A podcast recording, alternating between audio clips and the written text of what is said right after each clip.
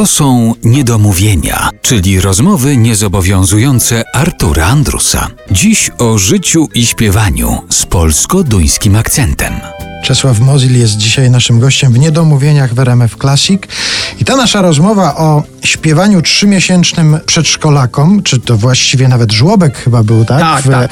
w Danii, była wstępem do rozmowy o tym, co się dzieje z tobą teraz, bo zajrzałem sobie na twój profil na portalu społecznościowym i zobaczyłem, że tam od paru miesięcy głównie pojawiają się twoje zdjęcia w towarzystwie dużych gromad młodych ludzi, właśnie uczniów takich szkół podstawowych, chyba do średnich to nie sięga, raczej Do średnich, naj, naj, Też. najstarsze ekipy, którymi nagrywałem, to mają 17-18 lat.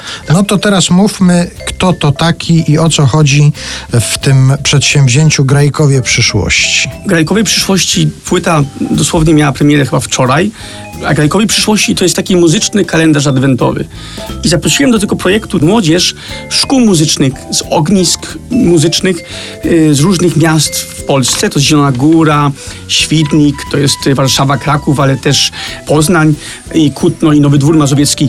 Nagrałem 24 piosenek. To są składy, czasami to jest solista na pianinie i ja, czasami to jest chór dziecięcy i kwartet smyczkowy, czasami jest to cała orkiestra symfoniczna pierwszego stopnia lub drugiego, albo orkiestra denta i, i chór dziecięcy, ale to, co jakby jest fantastyczne, to, to, to że, że to są różne instrumentaria, czyli nie wiem, Gosia, Tosia, Michalina grają, mają 8 lat, już 2 lata grają, grają na swoich instrumentach, akompaniują mi w piosence Inna Zabawa, a nagle jest to kwartet saksofonowy albo cała orkiestra marymbaków, czyli marymby, ksylofony e, do piosenki Kalendarz Adwentowy. Do każdej piosenki, oprócz tego, że dzieci nagrały te piosenki, to też do każdej nagrywamy teledysk, więc e, od dzisiaj, od 1 grudnia codziennie będzie wychodziło w internecie, jest taka aplikacja też Grajkowej Przyszłości i będzie wychodzić po prostu codziennie nowy teledysk, żeby złożyć hołd dzieciom szkół muzycznym i troszeczkę taki mój mały bunt wobec tego, że jednak w publicznej telewizji